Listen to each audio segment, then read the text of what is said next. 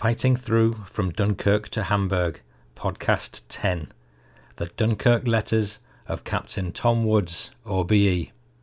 Great unpublished history. I have nothing to offer but blood, toil, tears, and sweat. We have before us an ordeal of the most grievous kind. We have before us many, many long months of struggle and of suffering. You ask, what is our policy? I will say, it is to wage war by sea, land, and air, with all our might, and with all the strength that God can give us, to wage war against a monstrous tyranny never surpassed in the dark and lamentable catalogue of human crime. That is our policy. You ask, what is our aim? I can answer in one word victory. Victory at all costs. Victory in spite of all terror. Victory, however long and hard the road may be. For without victory, there is no survival. Let that be realized.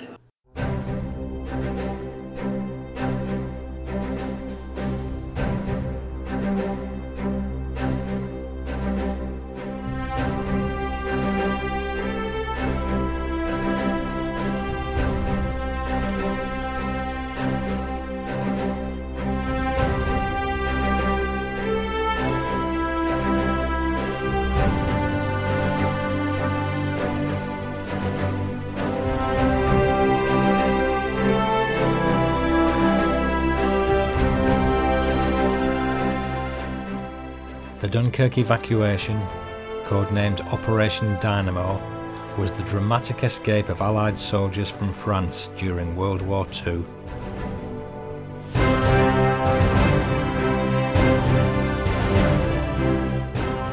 We must go back again. Every one of those men in the water is somebody's son. Captain Tom Woods, OBE, Dunkirk, 1940.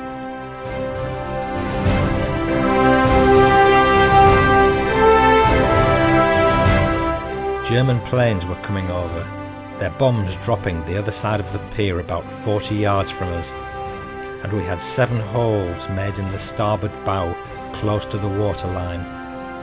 Also, three lifeboats hauled by flying shrapnel from the shells. Captain Tom Woods.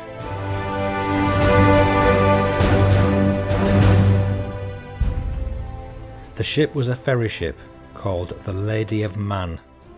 How could I forget that name? How lucky we considered ourselves to be. Out of all those thousands of men, we were being given the opportunity to be evacuated. Bill Cheel, 6th Green Howards. Hello again, I'm Paul Cheel, son of Bill Cheel, whose World War II memoirs have been published by Pen and Sword in Fighting Through from Dunkirk to Hamburg. The aim of these podcasts is to give you the stories behind the story, memoirs and reminiscences of veterans connected to Dad's war in some way. This episode opened with part of the inspirational speech which Churchill made to Parliament on 13th of May 1940. This was soon after he'd formed a government to lead the country during the war, and shortly after the German invasion of France on 10th of May. His speech must surely have helped to set the mood of the country and forge what became known as the Dunkirk spirit, when everyone pulled together to do what needed to be done to save our troops stranded in France. Since Dad's book was published, I feel very, very lucky to have uncovered a variety of memoirs and letters from people connected to Dad's story. And the small fragment of history in Dad's memoirs is now like some great big jigsaw gradually unfolding before me as more and more accounts appear. So I'm quite staggered about it all, really, and so chuffed that I can share it with other people. My dad was plucked off the Dunkirk beaches by the ship Lady of Man, which had an heroic part to play at Dunkirk. The ship was captained by civilian seaman Tom Woods, who'd later be honoured with an OBE for his gallant efforts. This podcast episode features the Dunkirk letters and memoirs of Master Captain Tom C. Daddy Woods, OBE. His great granddaughter Sarah stumbled across my website a while ago and has kindly sent me the fantastic family records handed down by Tom from 1940. The material includes a report he wrote after the events took place and letters home to his wife, which illustrate not only the deadly threat of the German forces, but also a mutiny by some of the Lady of Man's crew. And I tell you this if this podcast affects you in the same way as it's affected me, you'll have a lump in your throat more than once. So get your tissues out, suck on a throat lozenge, and fasten your life jackets, listeners, because this is going to be some exciting history. Captain Tom Woods was not a young man in 1940. He was in his 60s and almost about to retire when the war broke out, and his ship, the Lady of Man, was requisitioned. The Lady of Man was a passenger ship built by Vickers Shipbuilders for the Isle of Man Steam Packet Company at Barrow in Furness in 1930 at a cost of some £249,000. She operated on the island's busy routes between Douglas and the UK mainland. She had a maximum speed of 23 knots, about 26 miles an hour. The Steam Packet Company owned several sister ships, and a number of these were used in the Dunkirk evacuation, in fact, eight in all. But this is the story of just one of them. So here's the scene 31st of May 1940. If you listen to my previous podcast, you'll know that since 10th of May, Major Petch and his boys have been fighting their way to Bray Dune and walked the five miles on soft sand to Dunkirk. We've got literally hundreds of thousands of hungry and exhausted French, British, and some Belgian soldiers stranded, slowly being surrounded by the advancing German forces. From 10th of May there's been much fighting, not all in Germany's favour, but still causing a withdrawal by the Allies back to England. The official evacuation started on 26th of May, only 16 days after the German invasion. There have already been a lot of embarkations from the port of Dunkirk itself and from the harbour's protective east pier, known as the East Mole. Also, there are many small boats which have come over from England to lift troops directly from the beaches and ferry them to the larger ships, sometimes sailing straight back across the Channel to England. And all this time there are German planes bombing and machine gunning the ships and the beaches. My dad describes the scene in his memoirs. We could see ships out at sea making their way from Dunkirk to England and could also see the dive bombers after the ships. To our horror, many other ships had been sunk, their funnels and superstructures sticking out of the water. It was a ship's graveyard, and it looked dreadful. Eventually, our column reached the East Mole, and we waited in a long queue until it was possible for us to board a ship. Really, it is almost unbelievable but even when we were attacked by planes, we didn't move in case we lost our place in the column. The mole was a wooden jetty, only about five feet wide and 1,400 yards long. Listeners, the two concrete moles protecting the outer harbour at Dunkirk played a significant part in the evacuation of troops in May 1940. The harbour had been made unusable by German bombing and it was clear that troops weren't going to be taken directly off the beaches fast enough. Naval Captain W. G. Tennant had been placed ashore to take charge of the Navy shore parties and organise the evacuation.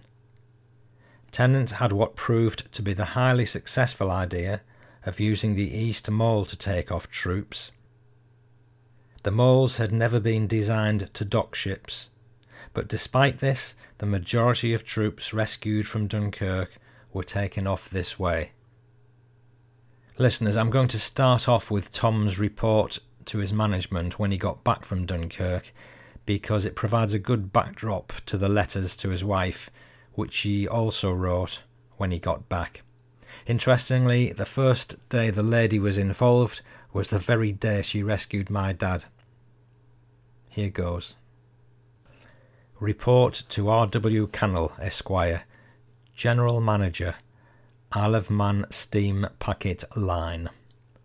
Dear Sir, you asked me to write a short account of our experiences in the Lady of Man evacuation at the various ports. Friday, 31st of May, 1940. We arrived at Dunkirk about 11:30 a.m. and had to wait outside the pier heads for orders to enter, which we got about noon. All the time we were waiting, there were continuous waves of German planes coming over, 40 at a time.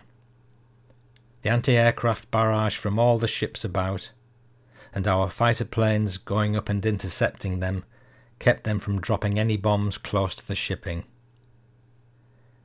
About 1:30 p.m. we got a berth at the pier and commenced embarking French casualties from the French hospital. We took 1500 casualties on board, of which 300 were stretcher cases. Also 500 other French troops and 1000 British. All the time we were at the pier, the German planes were coming over, their bombs dropping the other side of the pier about 40 yards from us and we had seven holes made in the starboard bow close to the water line. Also, three lifeboats hauled by flying shrapnel from the shells. Several soldiers marching down were killed about 30 yards ahead of us in the wharf from the shell fire. All the time from entering Dunkirk for over five hours, we were under bomb and shell attack. We sailed about 5 pm for Folkestone, berthing there at midnight and disembarked all the uninjured troops, leaving Folkestone at 4:30 a.m. for Dover, arriving about 6 a.m. where the casualties were disembarked.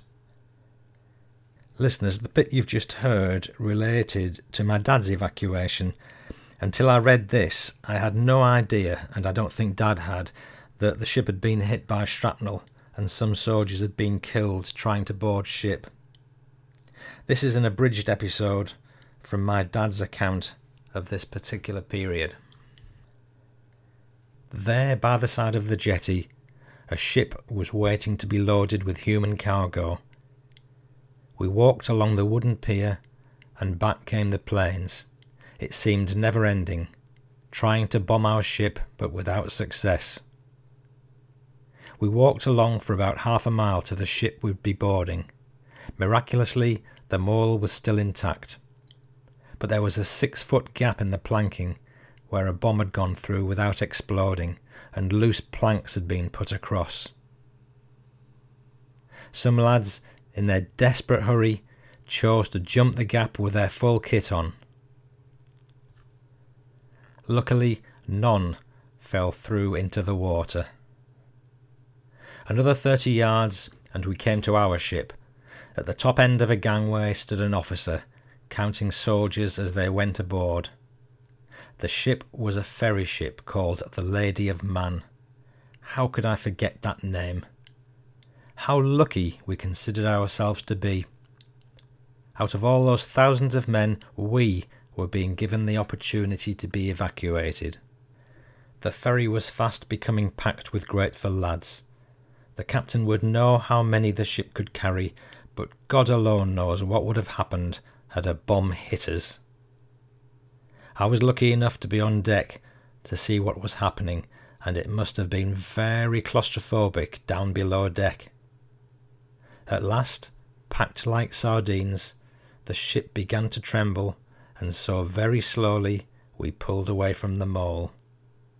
It was 6 p.m., 31st of May, 1940 being a little taller than many of the lads, enabled me to have a panoramic view of the whole length of the beach. I wondered how many of those boys would get back to England, and how many would be killed or taken prisoner. The beach was as crowded as ever. Then suddenly I saw a German fighter plane skimming above them, firing cannons. It reminded me of a row of dominoes being knocked down from one end. The dense black smoke from the blazing oil storage tanks reached far into the sky. There was another loaded ship about one mile ahead of us, and suddenly I heard the Stukas returning, diving almost vertically. I saw bombs leaving one of the planes, and was certain our time had come and that this was the end. I closed my eyes and gritted my teeth, my whole body braced for the inevitable impact. Then, sploosh, and nothing else. I looked out in surprised relief to find that miraculously the bombs had hit the sea about twenty yards away. So God was watching over us.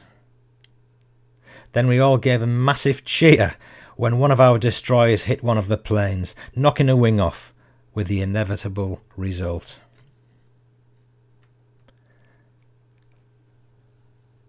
As we drew away from the coast, I wondered how many of the soldiers left on the beach would get away. That night, and all I saw, will always be imprinted upon my memory. After another mile or so, we felt safer. We were going to be lucky. Everybody became so quiet that only the passage of the ship could be heard, and that noise was bliss to our ears. I don't believe that anybody who had endured the past few weeks, witnessed such tragic events, and lived to remember it all, could be anything but thankful. There must be a God above looking after us. Early morning, after it had become light, somebody shouted, Hey, look across there! We saw the white cliffs of Dover, and it was a beautiful sight. In a little while the ship slowed down and soon edged its way to the dockside at Folkestone. There was a tremendous welcome from everybody awaiting our arrival. Those good Samaritans of the Salvation Army and of the Women's Voluntary Service, made us most welcome and plied us with sandwiches and mugs of good strong tea, and before we had time to gather our wits, we were boarding trains. Listeners, of course, that was it for my dad. But for Captain Woods, it was simply time to return to Dunkirk. Back to the captain's report. Saturday, 1st of June. Left Dover Saturday evening for Dunkirk arrived off the port about 11 pm and got orders from two destroyers to wait orders.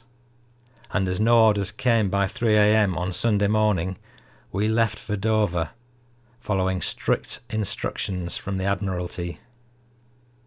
Listeners, this is the order which Captain Woods received telling him to leave Dunkirk harbour. From Vice Admiralty, Dover to all sea transport officers affected. Any Ministry of Shipping ship outside Dunkirk Harbour is to leave Dunkirk at 0300 2nd of June. Any ship inside Dunkirk Harbour is to cast off and proceed to UK at 0300 2nd of June. Whatever orders to the contrary are given by officers on the spot.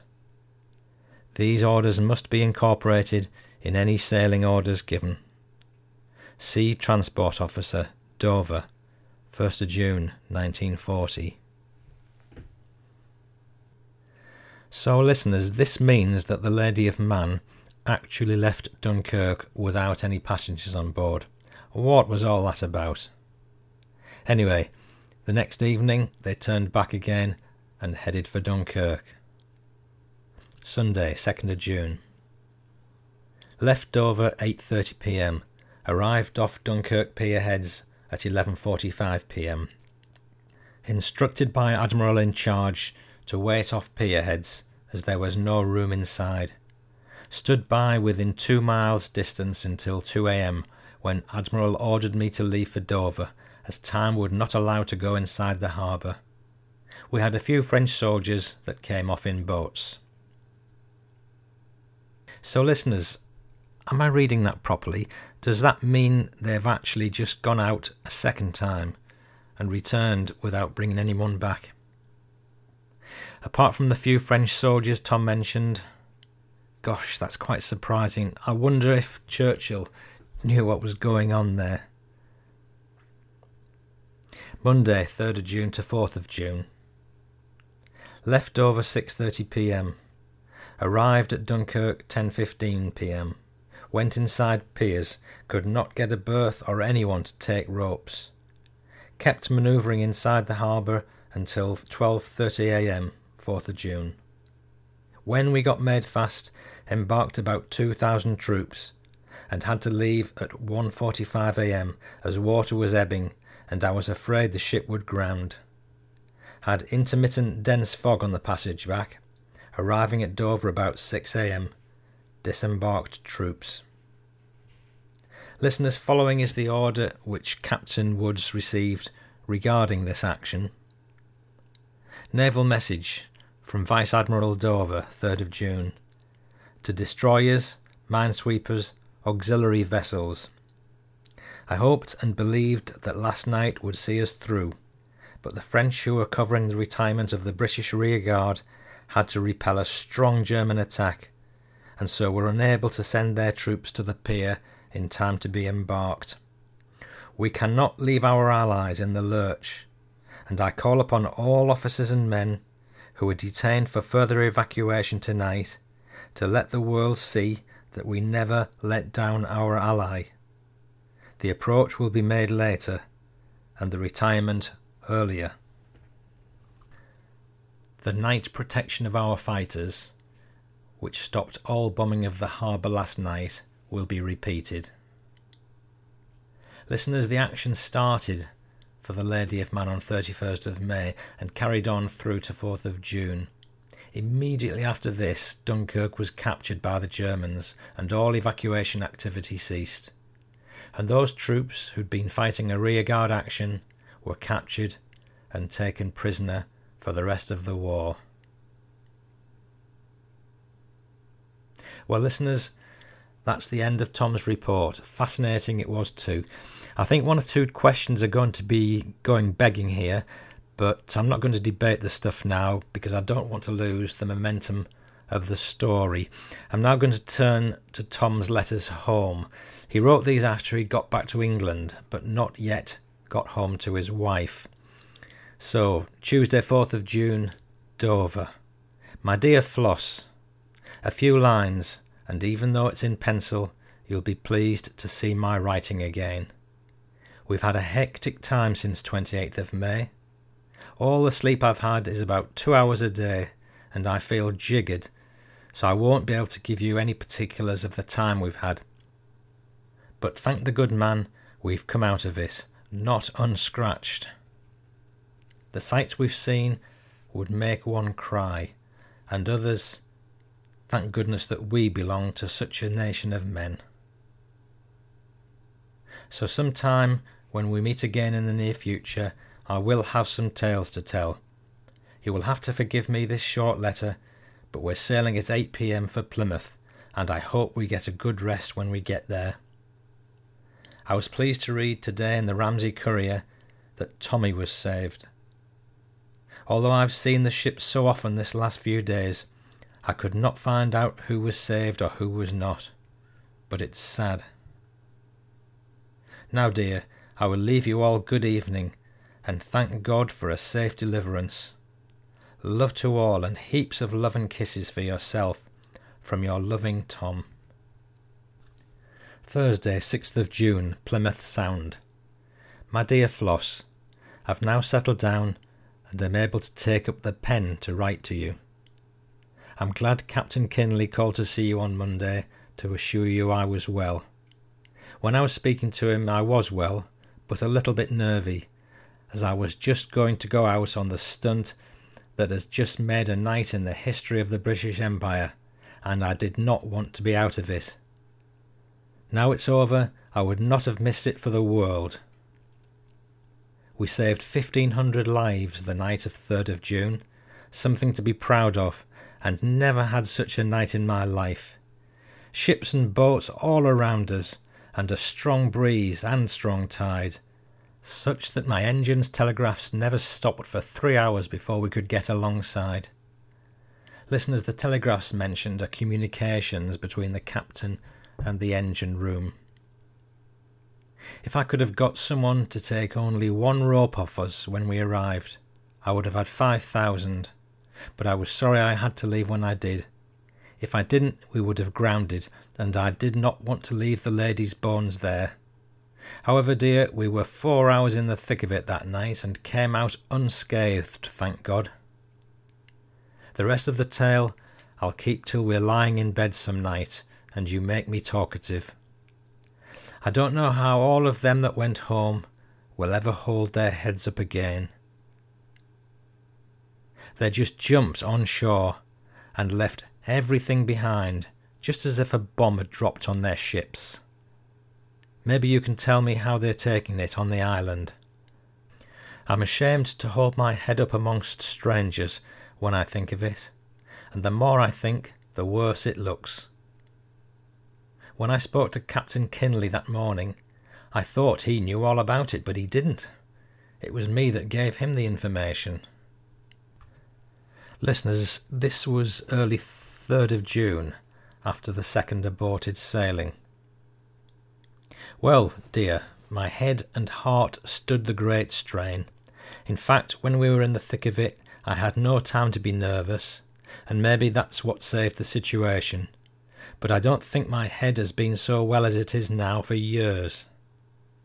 On Monday, when we left Dunkirk, it lifted a cloud off my mind, and I've not had a nervous minute until I got back. All Tuesday and Tuesday night I seemed to want to cry, but thank goodness, after a good sleep, that has gone, and I'm as fit as a fiddle now. Well, love, I'll leave you now and see what tomorrow brings forth, as we're only living from day to day now. Give my love to all, dear, and heaps of love and kisses for yourself from your loving Tom.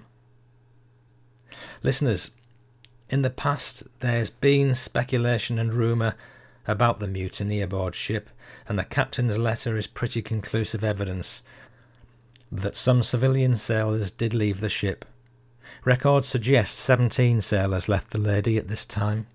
The captain's letter referred to crew leaving ships plural, so I don't think it was just the Lady of Man involved here. Sarah, his great granddaughter, has commented There is rumour in the family that Tom faced a mutiny at one point, with some crew refusing to go on. I think this might be what he's referring to in one of the letters. I make no judgment on anyone not wanting to continue, though. These men were civilians, and the whole experience must have been harrowing. Tom had three sons of his own in their twenties at the time, and it's said that he insisted on going back because he said every one of the men in the water was somebody's son. Two journeys had to be aborted because they couldn't moor up and returned almost empty handed. Listeners, I've seen an article by Bernard Moffat in the Celtic History and Literature Review about Dunkirk, and this discusses the mutiny situation in some detail he makes various points. He says that Admiral Ramsay's own papers state that armed naval ratings with fixed bayonets had to be deployed on some of the ferries to stiffen the resolve of some crews. The actions of the men on the ships is also indicative of a lack of confidence in the conduct of the operation, rather than indicative of the men's cowardice. The Manx and Welsh ferries were in the area from the outset, without any on-board protection save for the odd light machine gun. They were hopelessly ill equipped to withstand air attack. They were on the receiving end, as men in charge Ramsay and Dowding debated the strength of air cover, and ships were temporarily moved in and out of position. Three Manx vessels were sunk during the evacuation the King Orry, Fenella, and Mona's Queen. The steamers stayed until the last minute, cutting it so fine that the last ships left as the Germans occupied the port. Moffat concludes that these were not men whose nerves snapped or whose courage evaporated. These were men at the end of their patience. Listeners, I think we've heard the final word in that comment, other than to add that maybe we shouldn't be too critical of the organisation of the evacuation, because it must have been a mammoth task and was never going to run perfectly. Remember that there were some 800 assorted ships and boats involved in this exercise, and it can't have been easy to coordinate everything. So I'll simply move on now. Thursday evening, 6th of June, Southampton, England. My dear Floss, A few lines hoping to find you all well, as this leaves me at present. Although about dead beat, I feel nearly done up, but if I get a good night's rest tonight, as I expect to, I hope to be all right in the morning again. From midnight on Sunday, 2nd of June, I had not one hour's sleep for three days, and it's that that tells at my age. We've been through a heavy time, dear. Tuesday, 4th of June, is a day I will ever remember. Some day I hope to be able to tell you all about it. I'm pleased everyone on board stood the strain fairly well. I'm living in hope that it's all over for the time now. I would not be surprised if we'll be going further west soon. I was speaking to the manager and Captain Kinley on the phone today, and asked them when it would be convenient for them to give me a holiday as I want to get away from it for a few days. I cannot send for you to come here, as we might not be here when you would arrive, and you could not find out where we are, as I cannot find out where boats of our company are if they're not here, and me seeing them. Well, dear, we're having fine weather, and if it was not for this trouble, I would be in Barrow now to take this ship out for the summer. I will leave you good evening, and hope you are keeping your heart up for the Lord is looking after your old man. Give my love to all, and heaps of love and kisses for yourself, from your loving Tom. 7th of June, Friday evening, Plymouth Sound, England.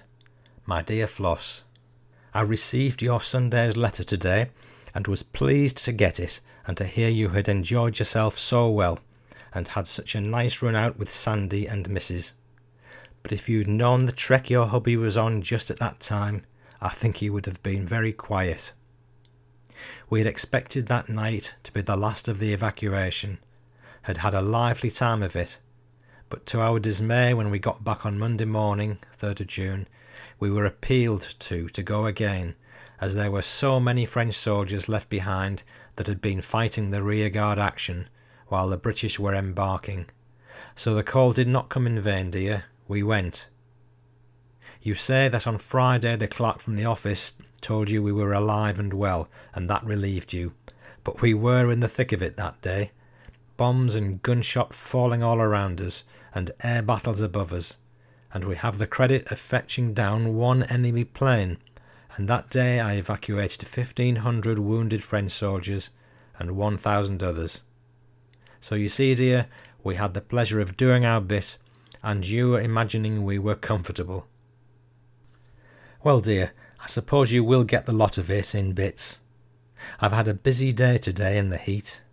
I went on shore at noon and had a lot of running about to do, and at three o'clock Captain Cowley and I had to appear before the commander in chief of this place, some nut, and he wanted to know all about the happenings at Dunkirk.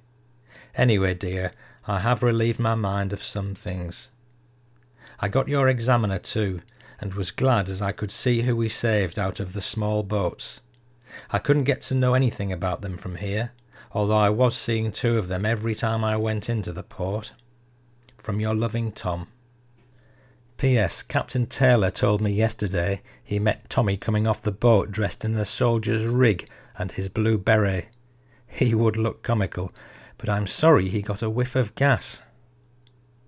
Listeners, I've left this PS in the podcast because of the interesting mention of gas, but I can't actually find any historical references to the use of gas by the Germans at Dunkirk, though Churchill was evidently ready to use mustard gas on the British beaches should the Germans have invaded. Anyway, if anyone listening can throw any light on this subject, please do get in touch, fightingthrough at yahoo.com. So that's almost the end of Captain Woods and the Lady of Man. I'll just round up with a brief summary of their achievements and a few other facts and figures. Over the period of the evacuation, the Lady of Man had lifted more troops to safety than any other vessel. In fact, she brought 4,262 men back to the relative safety of Dover and Folkestone. The 35,000 men who finally surrendered to the Germans after covering the final evacuations were mostly French soldiers. Their resistance allowed the evacuation effort to be extended to 4th of June, on which date another 26,000 Frenchmen were brought to England. The British Expeditionary Force lost 68,000 soldiers during the French campaign and had to abandon nearly all of their tanks, vehicles, and other equipment. Some 800 boats were involved in the Dunkirk rescue, including 39 British destroyers and other large ships. Nearly 270 were sunk in total. After Dunkirk, Captain Woods and his beloved Lady of Man went on to other theatres of war, including evacuating troops from Brest and Le Havre and action on D Day, 6th June 1944. On D Day, she was the headquarters ship of the senior officer of the 512th Assault Flotilla, responsible for the landings on Juno Beach near Courseulles. So, listeners, that would have been Canadians in the guise of the 3rd Canadian Division. The Lady of Man's career continued for 25 years after the war. She made her final sailing from Liverpool at 0900 hours on August the 14th, 1971. Listeners, there's actually a pub in Liverpool called the Lady of Man. Look it up if you're going there and have a drink in Tom's memory. I've never actually been there myself, so it's definitely one for my diary. Cheers, Tom. Cheers, Lady of Man. So, what else can we say about Tom? Plenty, I think. Captain Tom Woods was born in Port St. Mary, Isle of Man, in 1879. He lived in Douglas, Isle of Man. He was mentioned in dispatches in August 1940 and received the OBE. Tom's great granddaughter Sarah said, My great grandfather was a modest man, and I don't think he ever thought of himself as heroic. He didn't talk about the war much, I'm told. He made several trips, saved thousands of lives, and we're all very proud of him. I know that the ship was packed well beyond capacity on some trips. I was only six when he died, so I wasn't able to get much of a feel for what he was like as a man beyond him being quietly spoken and being sent out into the garden by his wife Floss to smoke his pipe in the depths of winter. It is thanks to Floss that all the documents were so carefully preserved. Tom retired after the war aged 66. He vowed to bring the lady back to the Isle of Man in one piece, and that's what he did. He brought the ship back into Douglas on the 9th of March 1946 and was welcomed by a civic reception and large crowds.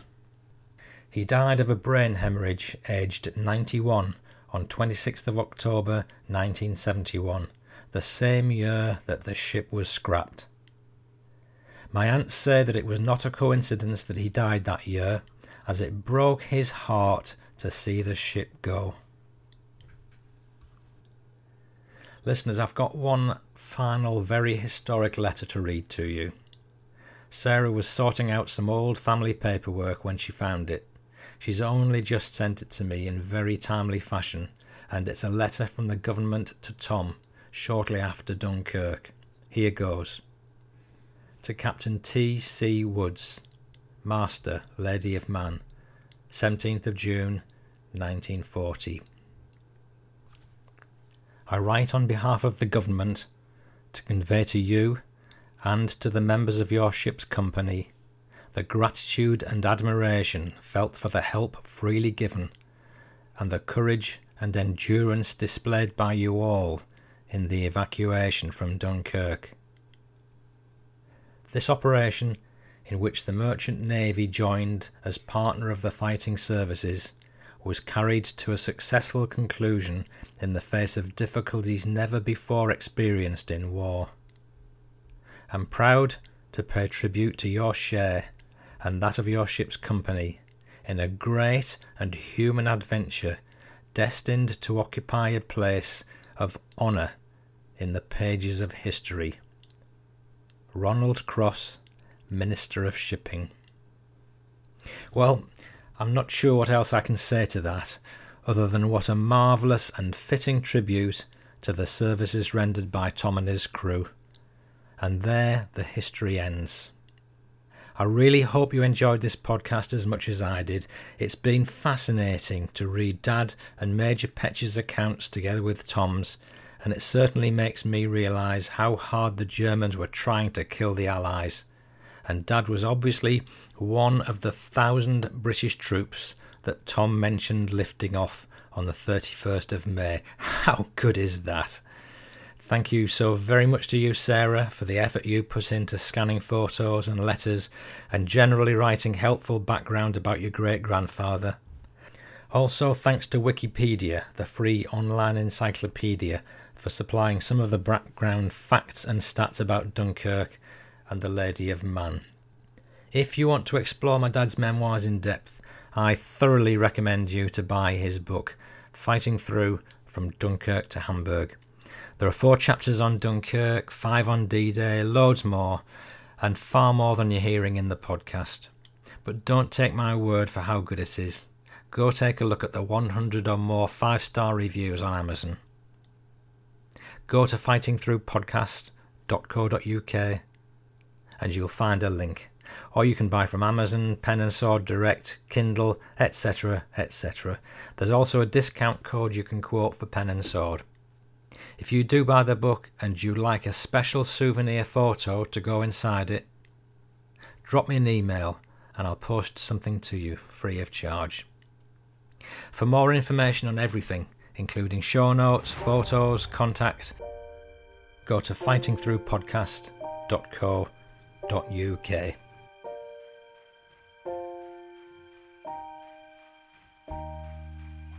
Oh boy, next podcast. What a treat we're all in for. This is a first hand account of one of Dunkirk's so called little ships.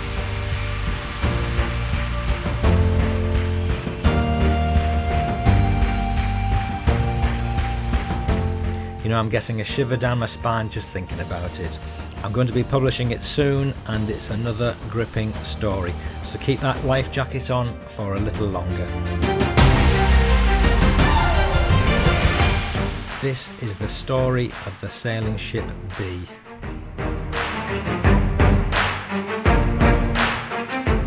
In wartime, ordinary men and women are asked to do extraordinary things.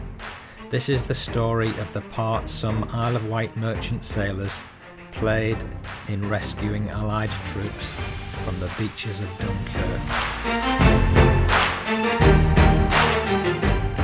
We were unloading iron plates at Portsmouth Dockyard when a naval officer came aboard and informed us that the B was being taken over by the Navy. He said the task for which she was required was dangerous.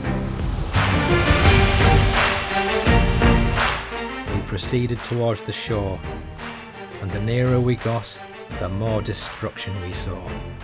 Upturned craft and human beings floated everywhere. If you want to keep up to date, keep subscribed, my friends. See you again soon. Thank you very much. For now, I'm Paul Cheall saying bye bye now.